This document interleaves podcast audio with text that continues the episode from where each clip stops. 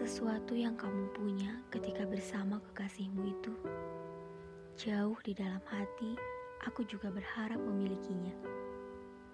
Setelah kepergianmu, aku pergi ke banyak hati. Aku gagal. Aku mencoba lagi. Aku gagal lagi. Aku menunggu lebih lama dan hingga sekarang aku belum bisa mendapatkannya. Sebenarnya aku tidak marah pun juga jengah. Tetapi mungkin jika boleh jujur, aku sekarang sedikit lelah. Aku berharap bisa memiliki seseorang yang kucintai dengan penuh. Tanpa harus takut dia pulang ke pemilik hati yang sebenarnya. Aku ingin memiliki seseorang yang memiliki aku. Takut kehilangan aku, seperti kamu yang kehilangannya